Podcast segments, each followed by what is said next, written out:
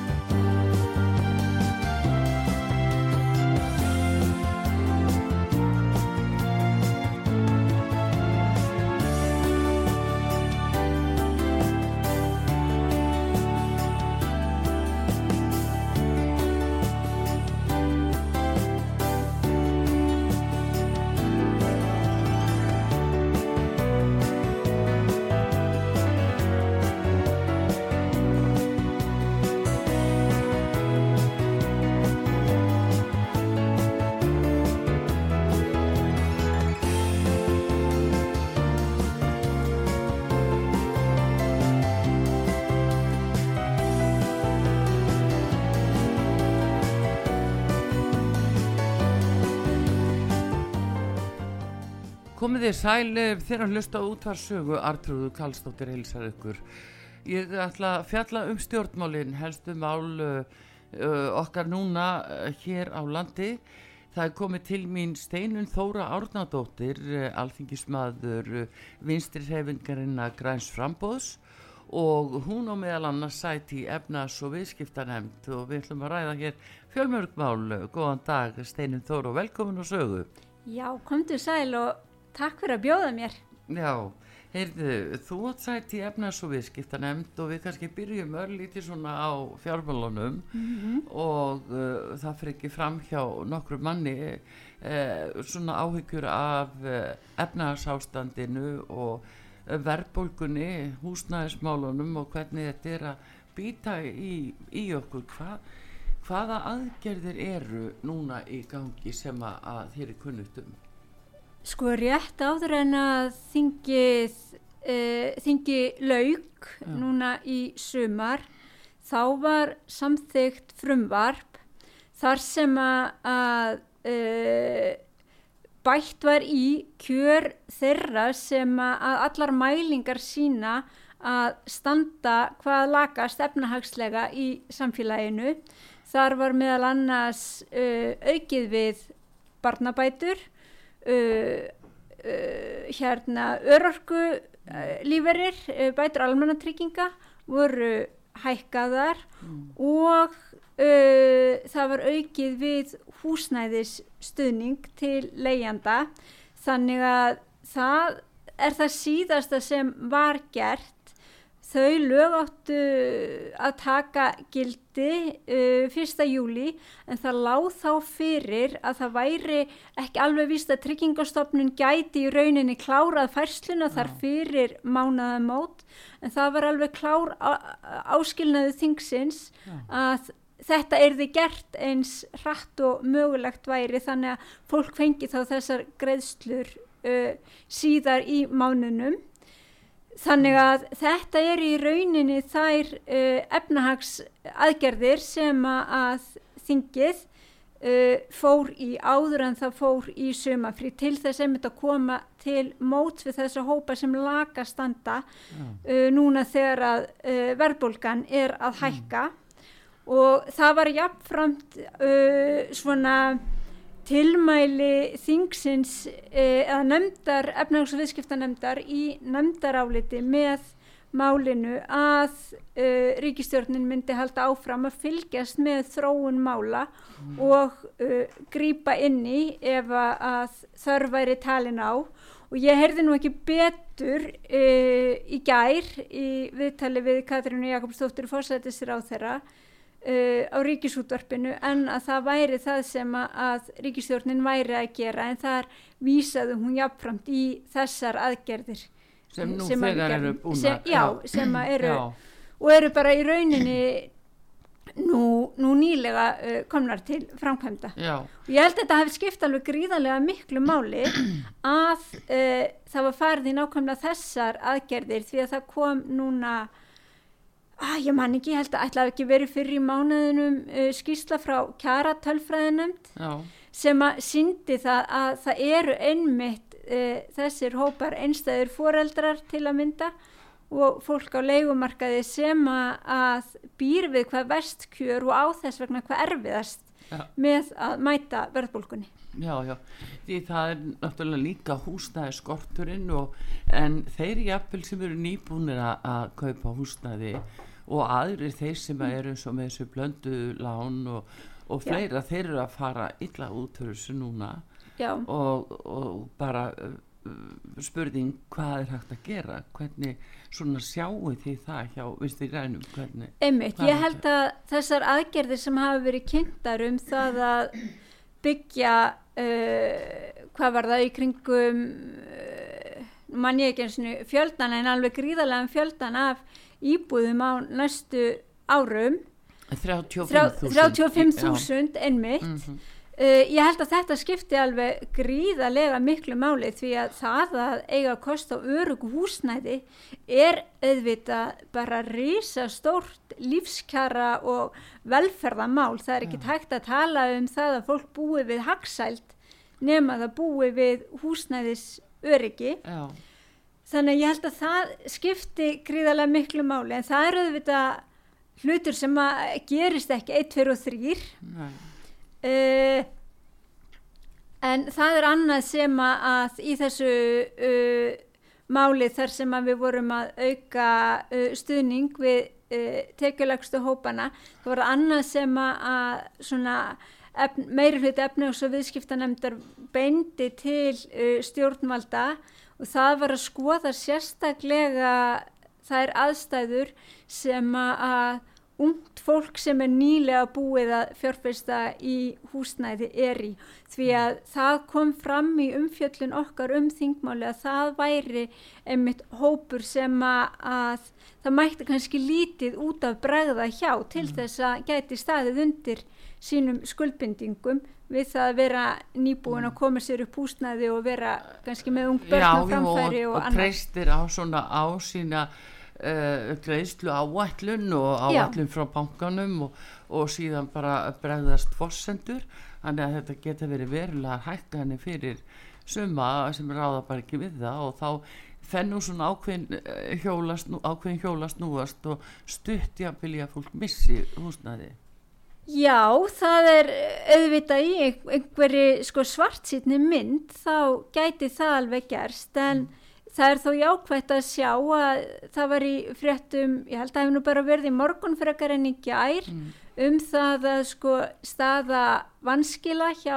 böngunum uh, er, já, er þannig að að það er lítið um vanskil um þessar myndir og það eru auðvitað jákvæðar fréttir og gott að heyra þegar að einmitt verðbólka er eins há og hún er núna. Já, og vonandi helst það þannig áfram en það er alveg klárt mál að það þarf að fylgjast með stöðunni.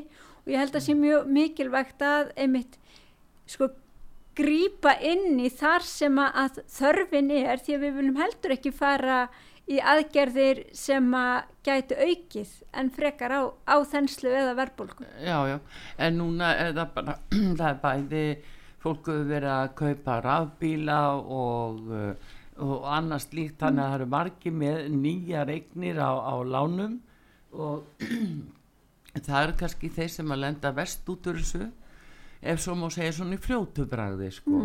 en uh, það er svona hvernig það á að að grípa inn í gagvart leigumarkað ef á að reysa 35.000 íbúður á uh, næstu missurum þá uh, segir innveðar á þeirra að það að verið 40% sem leiguhúsnaði en þá er spurningin uh, hverjir eiga að byggja þetta? Hvar fáum mannskap? Mannskapin sem að hérna einmitt uh, er að físist að byggja húsnæðið. Það er, það er góð spurning. höfum það sé- mannskapi það Uh, já, það er ekki víst að við höfum nægan manns, mannskap en við hefum auðvitað fullt af alveg frábærum yðnaðamönnum það hafa komið verkamenn erlendis frá sem að hafa verið að vinna hérna og ég held að það muni öruglega halda áfram mm. þá skiptir auðvitað máli og við getum fært þá umræð út í það að þá skiptir máli hvernig að við búum að okkar uh, verkafólki og Já, þá líka okkar erlenda verkafólki. það er mitt Það hefur nú það, ekki verið alveg kannski nógu góður aðbúnaður viða hjá þeim. Nei og það skiptir gríðarlega miklu máli að, að við sem samfélag tökum vel á móti fólki sem að hinga kemur og að við gerum kröfum það að aðbúnaðurinn sé góður og að launakjör séu samkvæmt öllum reglum sem við höfum uh, sett þarum og eins að stundum er hér fjölskyldufólk uh, sem að kemur mm. og þá þarf við að taka vel á móti börnum sem koma í skóla hugaði því að Þau sem hinga að koma til þess að vera í lengri tíma fái íslensku kennslu og geti tekið þátt í samfélaginu. Já. Þannig að þetta er all hlutir sem að þarf að huga að í hennu svona, svona stóru mynd já. til þess að af því að hér þarf að vera gott samfélag fyrir alla. Já, Líka en, þau sem hinga að koma til þess að vinna. En einmitt talandi um eh, erlendu verkamennina sem koma hérna mm. að það stundu talað um sko ódýrt vinnuafl og þeir standi undir jafnvel þessum byggingathunga sem að getur mm. stundum komið uh, aðgerði til þess að stemma stigu við því að þessi sé búið þá við sömu gjör og hvernig er, sér þau það fyrir þér? Nú eru kæra samninga lausir í öst Já uh, auðvitað eiga og það er bara þannig að þeir kjærasamningar sem í gildi eru hverju sinni eiga að gilda um alla á íslensku vinnumarkaði. Og þar skiptir máli að uh, auðvitað fyrst og fremst þeir sem að eru að ráða fólki vinnu uh, sinni því. Og því miður þá heyru við sögur af því að það sé verið að hlunfara fólkum uh, laun og launatengdar greiðslur og ég tel að við sem samfélag eigum bara að setja fótið niður og mm. gefa það skýrt til kynna að slikt líðum við ekki því að það skekkir auðvitað sko, það fer ekki bara illa með þá starfsmenn sem að í því landa heldur skekkir það auðvitað líka samkeppnistöðu annara fyrirtækja sem að eru að uh, sjá til þess að allt sé í lægi hjá þeim. Mm. þannig að þetta er bara eitthvað sem við sem samfélag eigum að segja með stolti að við gerum þá kröfu að hér sé borgað eftir kærasamningu Já, eh, nú hafa komið fram hugmyndir eh, um það að það er að leggja niður sérheiti á yðingreinum og uh, menn þurfi jafnvel ekki að hafa fullt réttindi þar sem að, að svo hérna uh, hér fara menni í innskóla eru mm. þar í þrjú-fjögur ár þurfa tvö ár til viðbótar til að ná sér í meistararéttindi og hafa mikið fyrir því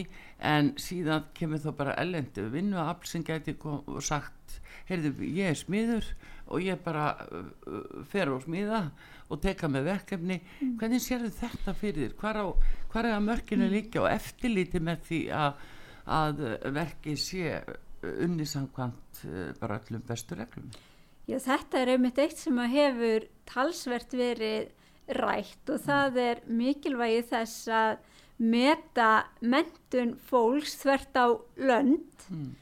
uh, og þar því að það skiptir auðvitað máli að við getum treyst því að þau sem að hafa lokið mentun í sínu heimalandi að það fólk fái hann að viðurkenda mm. hérna en auðvitað skiptir máli einmitt að það sé þá eitthvað sem að mark er átakandi þannig að ef að þú ert ráðin í vinnu sem uh, einstaklingur með mentun á einhverju ákveðnu sviði mm -hmm. að þá haldi það og þá auðvitað skilir það sér líka í þínum launakjörum. En svo eru þetta líka ymsir uh, ófagmentaðir verkamenn sem er að vinna í hínum ymsu störfum. Og þannig hefur það alltaf verið og þannig held ég að það verði áfram.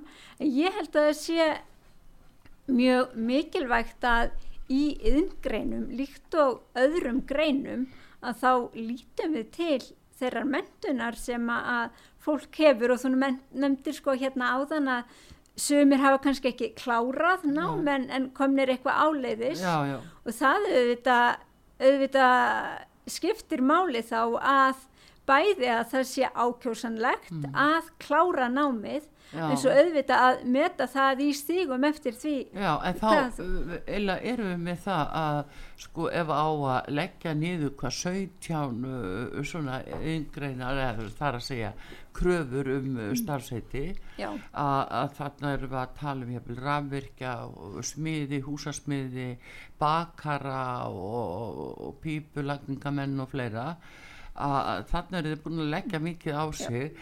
en upp að hlýðnaðin kemur kannski ó, sko ófaglæður aðeins en er búin að vera eitthvað kannski að vinna við það mm. en gæti krafist þess sama e, erum við á réttri leið með þetta erum við ekki að gjaldfella nám og, og, og reynslu þeirra sem að hafi ára ræði lagt þetta á sig Nú þekki það ekki nákvæmlega hvernig uh, hugmyndin er um að útfæra þetta en ég myndi telja að hér þyrti að stíga ansi varlega til mm. jarðar því að það skiptir máli að fólk geti treyst því að fólk hafi þá uh, þekkingu sem að til þarf mm. til þess að sinna verkefnum mm. og þannig að hvort að það fyrirkomulag sem við erum með akkurat núna sé heið eina rétt á að það sé sko óbreytanlegt allra framtíðar, það skal ég ekki segja neittum og, og, og er engin sko sérfræðingur í því. En ég held að einmitt að það skipti máli að það sé hægt að ganga að því vísu annars vegar að fólk hafi þá þekkingu sem þarf til mm. þess að sinna störfum og að með yðn greinar mm -hmm. að þar líkt og í öðrum greinum að þar sé nám metið til tekna. Já, já, það skildi mér rækla en það er einhver breyting sem er bóðu og veldur ákveðinu svona ákveðinu óöryggi gagvart í að, að fólk sé þá kannski að fá þá fagþjónustu sem að það reikna með og hefur alltaf gett að treyst hérna við hefum verið með afskaplega góða eh, og hérna uh, þannig að þannig er að verða breytinga að kröfu ESB hvað finnst þér um það? Mér finnst að það reygum við að stíga varlega til jarðar eins og mm. ég segi, kannski eru einhvers konar breytingar af hinnu góða mm. en eftir stendur þetta að við þurfum að geta treyst við að það fólk sem að, til að mynda segjum nú bara er að tengja rafmagnið í húsin okkar já.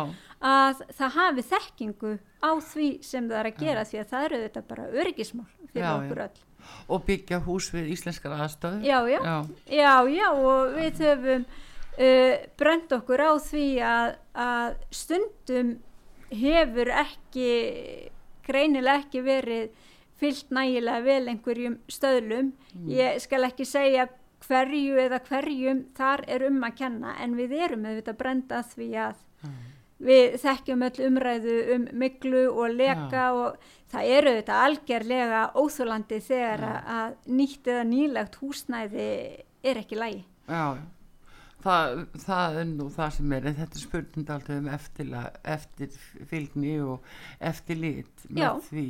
Já, en uh, svona öðrum málum uh, hérna Steinun Þóra uh, núna hefur fórsettisáð þeirra úr þínum flokki ykkar fóringi nú er hún ákveð að að minga vissi starf fórsettisáð þeirra hvað finnst þér um það núna á kjærasamningar, það er verðbólguris hérna og mikil óvisa á marganátt það er jafnvel mataskortur framöndan um, hvað finnst þér um hún sé að taka sér frí núna eða taka sér minga vinnu sín er hún ekki að tala um það að uh, hún sótti um að fá að vinna aukastarf mm. meðfram því að vera fórsættisráð þeirra mm -hmm. uh, og það eftir því sem að, að já, ég bara lesi fréttum snýst um það að hún ætli að fara að skrifa glæpasögu á samt Ragnari Jónasinni sem er nú vel þekktur mm. glæpasagna höfundur. Mm. Ég tel þekkjandi Katrínu sem er einhver mestu vinnu þjarkur sem ég hef nokkuð tíman kynst að þetta munir svo sannlega ekki byrna á uh, störfum hennar sem fórsetið sér á þeirra heldur muni hún gera þetta í sínum frítíma. Það er hins vegar þannig að þegar að aðstu ennbættismenn taka að sér önnur störf eða hlýðarverkefni mm -hmm. þá ber að tilkynna það og skráða. Þannig að hérna er hún að fara eftir uh, settum reglum Já og sækjum um, leifi sangat ofnbjörnulegunum Já já, já og, og, og láta vita af því og, og sækja um þetta mm. leifi til þess að geta synd þessu uh, aukastarfi en ég held að þetta sé nú algjörlega innan þeirra marka að það muni ekki verða til þess að uh, Trubla neitt. Ekki nei, koma niður og störfum hennar sem fórsættisráð þeirra og verði nú bara jafnvel frekar til þessa að hérna hún verði að sinna skemmtilegu verkefni með skemmtilegu manni og, og ég held að það geti nú bara gert hann aðeins betri Já. í sínu, sínu svona fasta starfi sem okkar farsættisræður Heyrðu, en uh, varðandi samt uh, svona aðkomu ringistjórnarinnar og þú ert auðvitað í, í flokki, stöðnisflokki ringstjórnarinnar uh, það er þessi aðkoma og það er þessi vopnaflutninga sem Íslandi allt í einu farið að taka þátt í.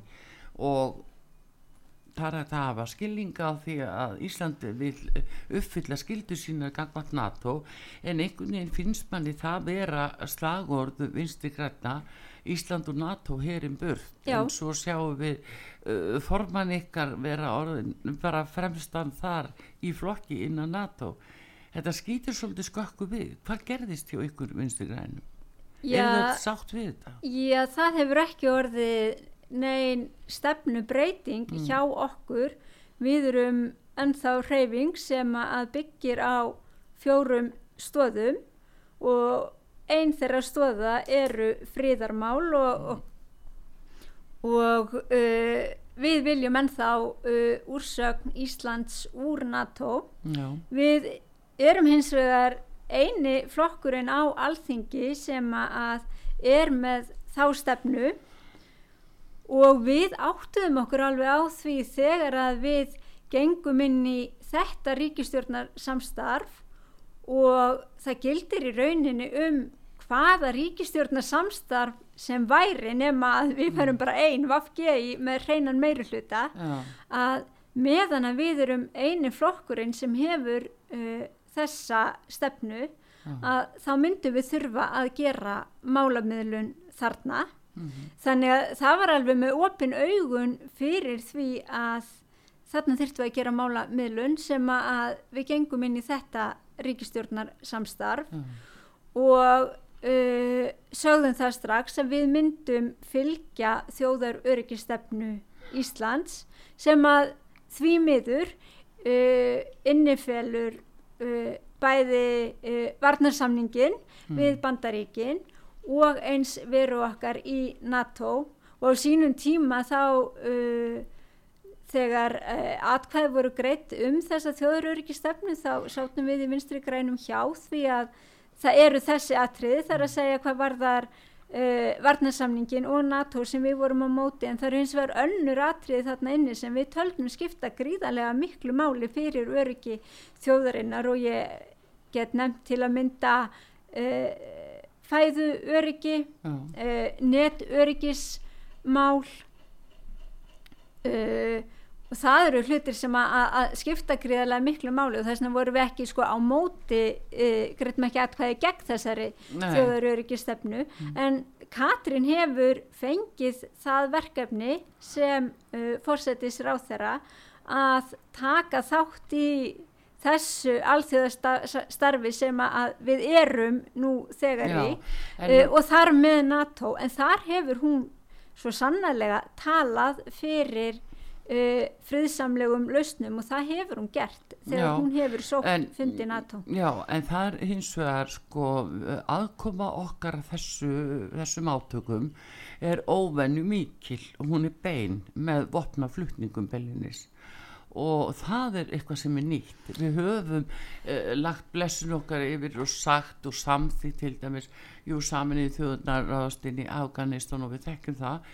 En uh, við höfum svona látið uh, margt hjá líða en ekki verið beinir þáttaköndur núna erum við að senda íslenska flugvilar uh, með uh, yfirfullar af vopnum, vissur það? Og júmbóðþóttu yfirfulla og þóttur hverjáfættur annari yfirfullar af vopnum hvernig svona slæri þetta ykkur hjá vinstu krænum að við séum orðið svona beini þáttakundur í að flytja vopn til að drepa aðra Já, við höfum því miður mm. áður gert þetta líka og þetta er ekki það sem að ég myndi helst vilja sjá sem uh, framláð okkar Íslendinga og ég tel að sko friði verður aldrei komið á með vopniðum átökum. Það friður kemst aldrei á nema með samningum mm. og að mann setjast mm. niður við samningaborðið. Og ég tel að því miður sé ekki næjanleg áhersla á það. Þannig að uh, já, ég bara verða að segja það fyrir mitt leiti mm. að, og sem fríðar sinni mm. að mér hugnast þessir vopnaflutningar ekki og ég tel að við sem herrlust þjóð gætum einmitt lagt miklu meira og mikilvægara fram mm. sem uh, talsmenn þess að samiðsjö um frið mm. Og, uh, og ég held að það sé raunar gríðalega mikilvægt á stríðstímum ekki síst mm. að tala máli friðarins Já.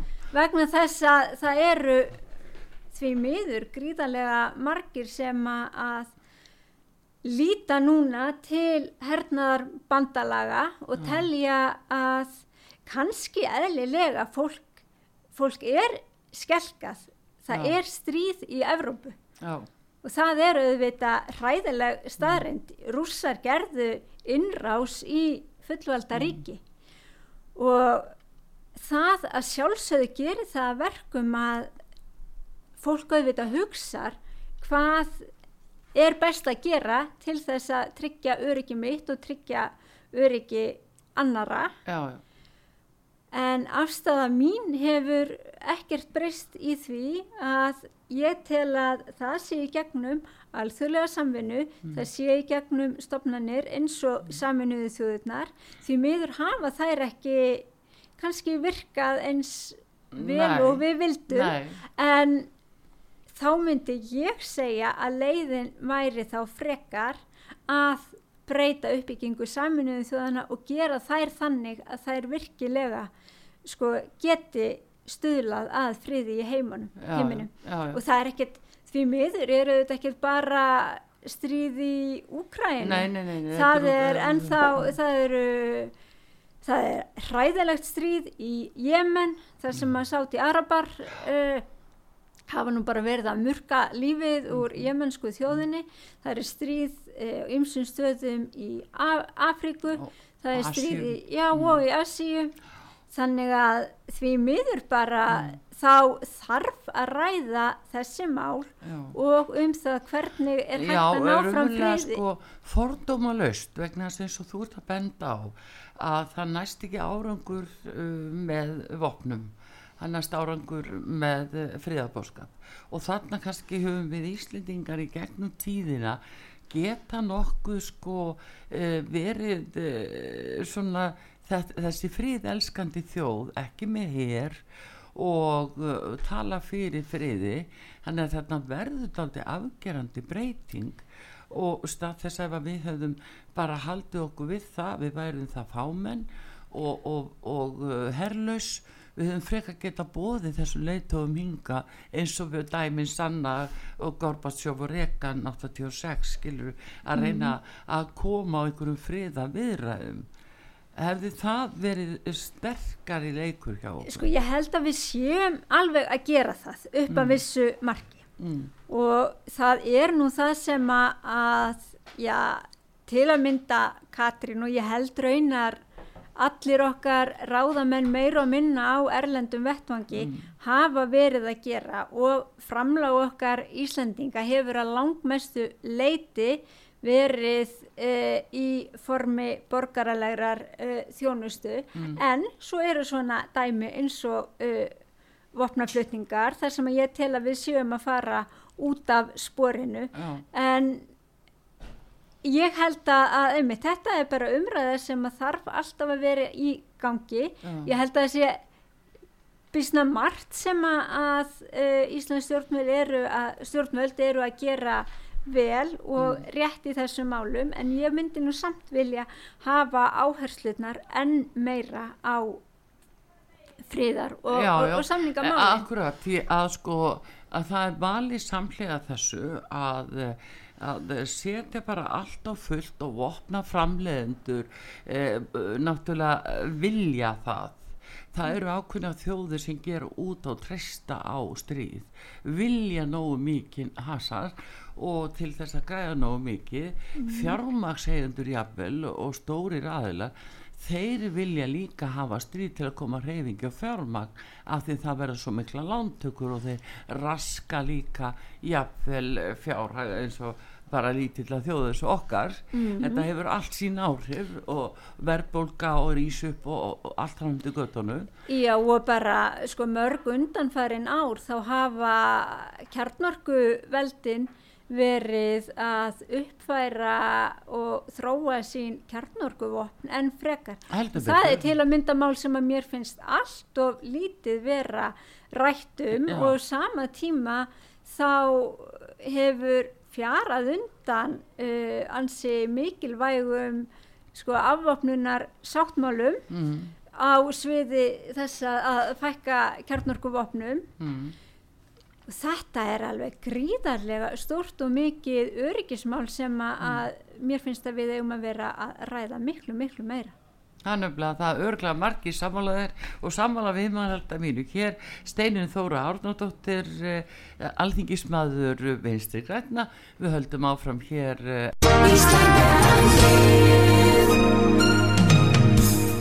Styrtareikningur útvarpsögu í Íslandsbanka á Granda. Útubú 513, höfubók 26, reikningur 2.11.11. Nánari upplýsingar á útvarpsaga.is.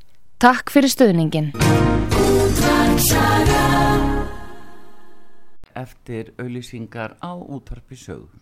Sýteðis útvarpið á útvarpisögu í umsjón Artrúðar Karlsdóttur.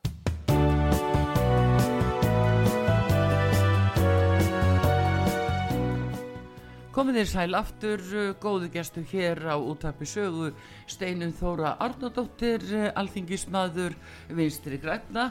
Við vorum að tala um uh, stríðið í Úkrænu og hvað þetta gera vopnaflutningar sem að Ísland og Íslendingar hafa verið beinið þáttakendur í. Það er, svo segir Steinun, spurningin um að reyna friðar aðgerðir og uh, við aftur á móti og ég segi við þá Vesturlund uh, tókum það ráð að beita refsi aðgerðum sem að sína sig í því að uh, það eru bara að hafa mjög alvarleg áhrif á Evróp, Já, bara já. alla Evróp uh, matalaskort, framleysluskort og efnahagskerfið í ymsu löndum bara reyðar uh, jafnvel til fals, ég segi þannig kannski ekki alveg en er að hafa veruleg áhrif á efnahagsmálin og út af framleysluskorti, orkuskorti fyrir sjáanlegum uh, frostatímum. Uh, þetta er, vorum við að fara rétta leið með að beita þessu refsi aðgerðum af því að nú verðast rússarnir bara að snúa sér eitthvað annað. Þeir bara og, við, eitthvað indverja, kýmverja uh, ungverja, þeir semja við Sáti-Arabíu og, og Brygslöndin í runni Já, sko ég held nú samt að þetta hafi nú kannski verið uh, ílskásta leiðin því að sko það að fara að beita einhvers konar hernaði hefði verið alveg glórulust og hefði ekki gert neitt annað en að kalla hörmungar yfir alla álfuna. En það er rétt að, að uh, þessar uh, já, gagn aðgerðir rússa eru munu auðvitað hafa einhver áhrif sérilagi í Evrópu þar sem að þeir hóta að uh, loka fyrir gasinflutningin Það eru búin að, að núna minga um helming Já, af já. Nord Stream 1 já, já, ekki vera á það bætandi því að Nord Stream 2 fyrir ekki í, í samband. Nei, nei en, en eins og ég segi sko að já, allt er betra en, en beinar hernaðar aðgerðir. Uh, þannig að uh, þetta er auðvitað bara eitt af því sem að, þarf að, að sko semja um sem er þá partur af þessum friðar viðræðum en svo eru líka hræðilegar þessar fréttir um það að þegar er búið að ná frá samningum um það að til að mynda að e, liðka fyrir útflutningi á kortni frá Úkrænu að svo standa rússar ekki við þá samninga, það eru auðvitað bara hræðilegt Já, og þeir sem hafa nú reynd að uh, sverja það af sig segjast ekki að hafa skotið hérna á hafnarsvæðið í Odessa segjast ekki að hafa gert það sjálfur en uh, það er nú eins og það er og þeir leggja áherslu á þeir og lísti yfir í gær að uh, Lavrov að, uh, að þeir munu standa við samkomulagi frá Tyrklandi og sendu bref til Erdogan þess efnis það er bara eins gott að, Já. og mikilvægt að þeir geri það Já. og, og við sem alþjóðu samfélag Já. verðum að gera kröfu á það því að það eru auðvitað skelvilegt hvaða áhrif uh, kortskorturinn er að hafa út um allan Já. heim og sýnir það auðvitað bara hvað sko alþjóða hagkerfið er uh, samtengt annað sem við höfum ekki rætt neitt um hérna í uh,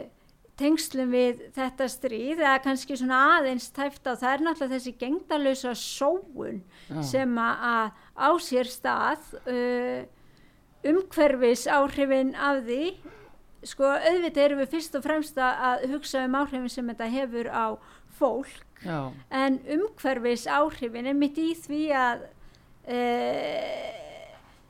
bara hernaður Já. er alveg gríðarlega mengandi og svo allt það rættarland sem að já, skemmist já, uh, bara eigðileggingin í mannvirkjum Mm. og fleira þetta er náttúrulega alveg uh, hræðilegt Mm, bara eiginlegging og náttúrunni Já. út á suður já. og, og þetta er eitthvað sem að allir tapa á já, og því miður þá er ég hrætt um það að fókusin sem að við ættum sem bara sem sko jörð að vera með á til að mynda að bregðast við loftslagsfánni já, fókusin fer því miður eitthvað allt annað. Já, þannig að, að sko þetta stríð er að eigðilegja alveg gríðarlega mikið. Já en einmitt talandi um það þá uh, þegar við tölum um fæðuöryggi og uh, afleiðingar uh, af þessu það var náttúrulega fyrirsjáanlegt þegar COVID kom upp 2020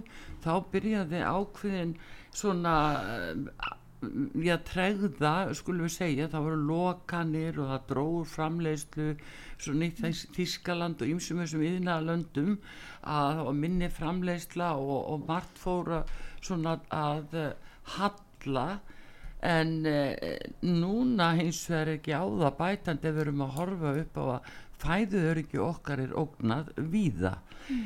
Hér á Íslandi líka. Og það er lítið rætt um það að þessi tilneying að, að, að fækka bændum og síðan líka að draga úr veiðum. Manni finnst það öfugsnúið og nú hefur svona samflokksar á þeirra þinn ko- sko, skorið niður þorskabla til dæmis um 20% á einu hálfu ári og uh, og hérna eh, það er mál sem að er illskiljanlegt vegna þess að við erum matarkista hérna allt Ísland og sjórin í, í veitir bara sjá að gullið okkar? Já, algjörlega og þar auðvitað þurfum við að hugsa til framtíðar til þess að hún verðið áfram. Já, og þess vegna tel ég Svandísi Svavarsdóttir matmælar á þeirra á algjörlega réttri leið þegar að hún vil fylgja vísinda ráðgjöf þegar að kemur að uh, nýtingu á okkar sjávaröðlind mm. því að við þurfum auðvitað að hugsa meira en bara til dagsins í dag uh, vegna þess að við þurfum líka að geta veitt fisk á næsta ári og eftir tíu ár. Uh, svo auðvitað hefur hún bóðað það að gera breytingar á strandveiði kerfinu ég er nú nýkominn úr uh, fríi þar sem ég var austur á landi Já. og rætti þar meðal annars við uh, smábóta sjómenn Já. og kerfið eins og það hefur verið núna það gagnast við miður ekki uh, strandveiði sjómennum á austurlandi nógu vel mm. þannig að mér hugnast þær breytingar sem að Svandís hefur verið að kynna uh, á því að skoða þessa svæðingsskiptingu uh, sem að uh, já, hefur í rauninni ekki verið, heldur mm. að koma henni á aftur og að gera kerfið sangjarnara þegar að kemur að því að, að bara meta það fyrst gengdin umhverfis landið mm. uh, gerir það að verkum að það fiskast uh, vel á ólíkum tímum á mismunandi stöðum á landinu. Já, já, ólíku fiskur og allt þetta. Já, og... En um, það er, já, en það samt sem áður finnst manni að það hefði átt að leggja gríðilega áherslu á það með fulli virðingu fyrir vísindaveiðum.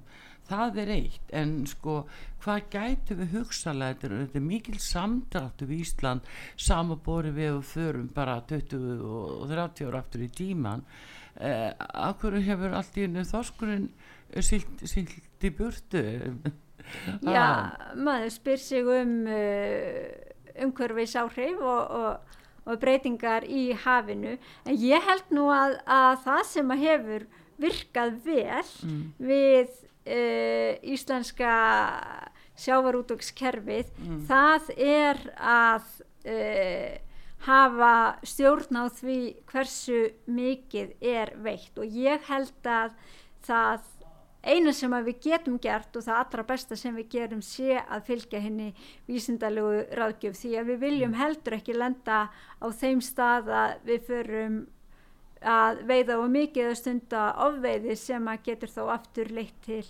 hruns í stopninu og þar með afkomu. Fiskifræðingar er ekki sammálu um að það muni þýða ofveiði en það er líka Havró er nú held ég bara það besta tól sem að við höfum í þessu. Þó svo auðvitað þegar að hérna þegar að sko fiskast vel hjá einum þá er auðvitað kannski freistandi að segja að það er nægur fiskur í en sjónum sjómen, já en, en, en þeir auðvita hver og einn er mm. bara á afmerkuðu svæði þannig að ég er algjörlega hörðað því að það að fylgja vísindalegri ráðgjöf er það sem að gagnast best til mm. lengri tíma mm -hmm.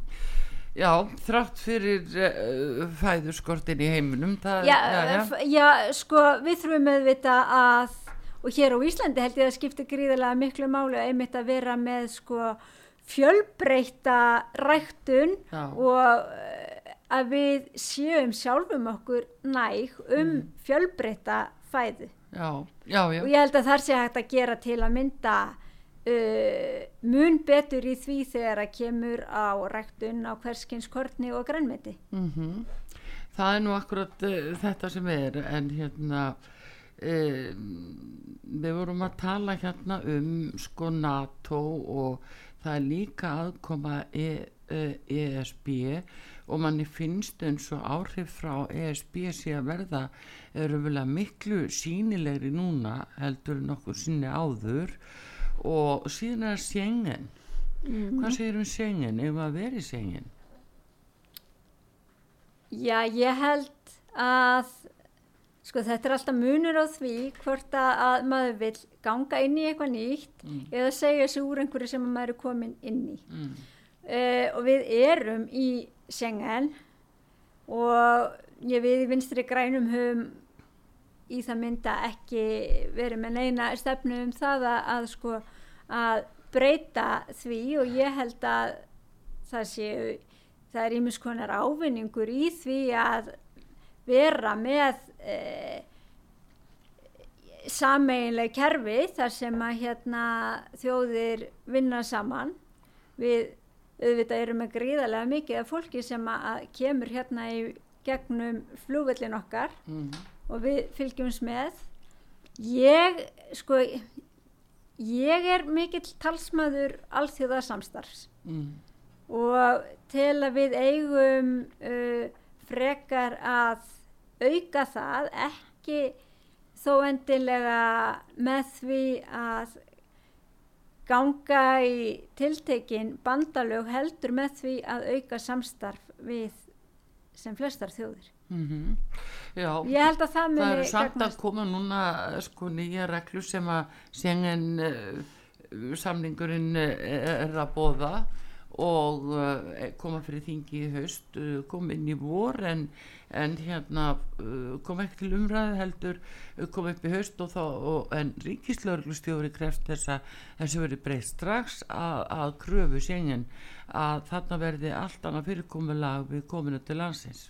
Ég bara hef ekki uh, kynnt mér þetta þetta Já. var ekki þeirri nefnd sem að eða nefndum sem að ég sitt í þannig mm. að ég þekki þetta ekki sko til einhverjar hlítar en, en já, þetta, þetta vegast alltaf á sko að, að vinna málinn vel og ég held að við eigum að hlusta á sjónamið frá ríkislaugur stjóra en ég bara í rauninni þekki málið ekki það vel til þess að geta sagt það hversu hratt væri æskilegt að vinna það. Nei, heyrðu en svona að nú fara að stýttast í okkur tímin Steinin Þóra.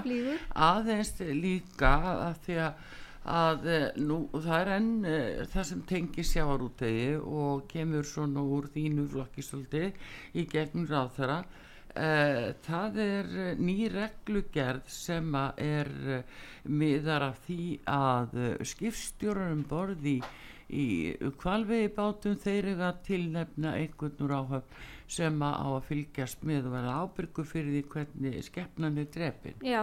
Nú hafa lögfrúður aðla sagt að þetta ætti sér ekki lagastóð. uh, hvað, akkur, akkur tellið þetta svona nöðsilegt? Ég tel að í þessari grein líkt og öðrum greinum þá byrja að tryggja dýravelferð mm.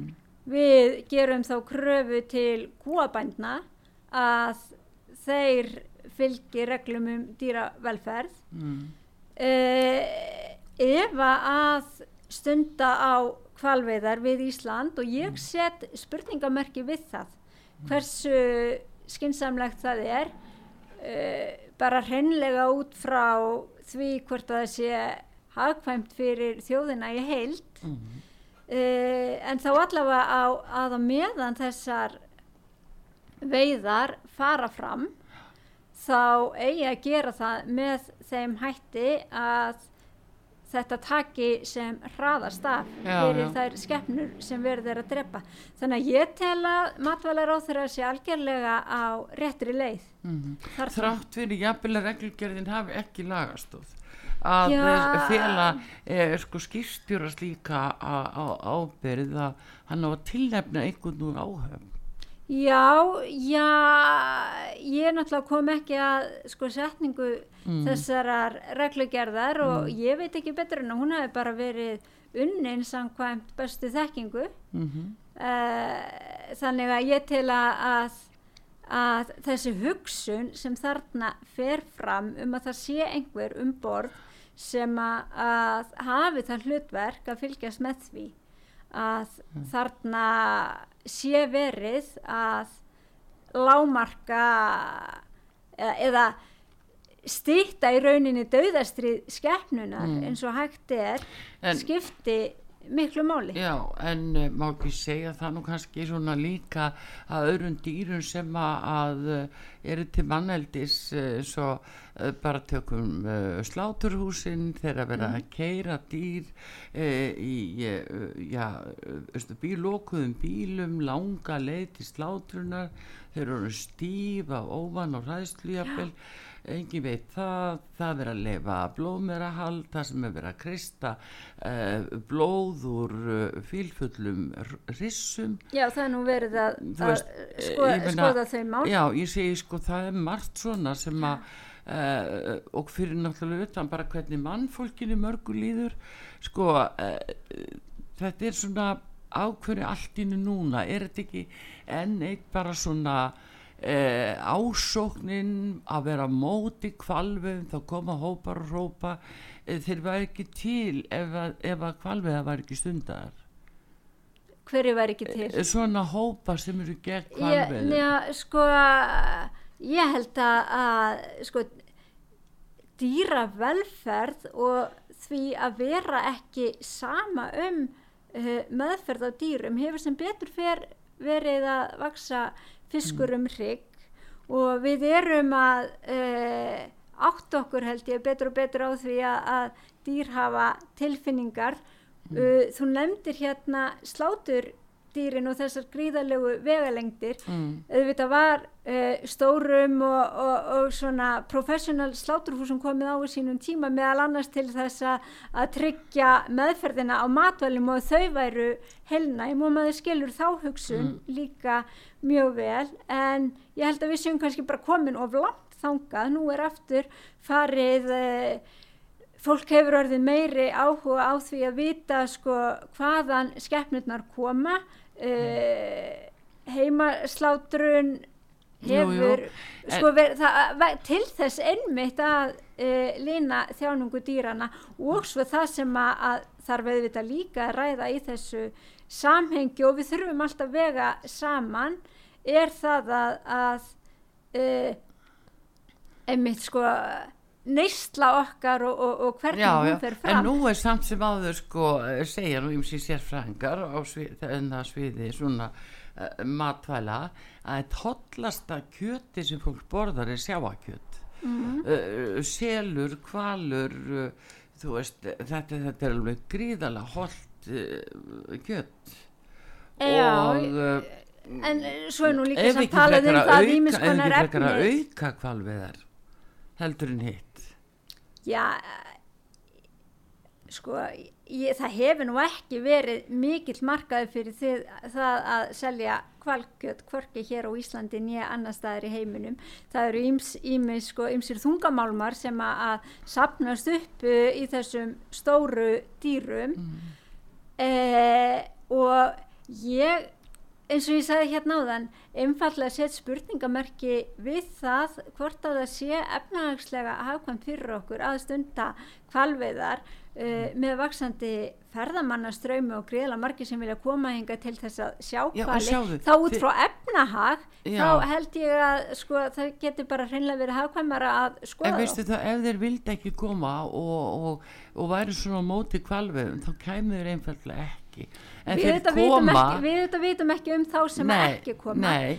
en þess vegna sko en tölunar á ferðamönnum það er ekki, það sína það að það, það er bara ásók til Íslands og fólk fyrir, fyrir og skoðar og, fer svo jæfnvel og veitingastæðum kvöldu og borða hvað og læti sér vel uh, linda. Já, einhver hópur já. gerir það en ég held að, að þarna skiptir bara máli að vera svolítið pragmatísku sko og skoða mm. bara hvað það er sem er efnahagslega hagkvæmt mm. og síðan ef við komist að þeirri uh, niðurstöðu að kvalveiðar mm. séu hagkvæmar að þá að gera þær með þeim hætti að dýra velferðasjónamið séu mm. höfð í heyrðri -hmm. vegna þess að mér finnst það, það skipta máli að meðan við erum að neyta kjötafurða eða dýraafurða að þá sé það gert með þeim hætti að það sé hugsað vel um dýrin já, já. en það er sko markaður í Japan uh,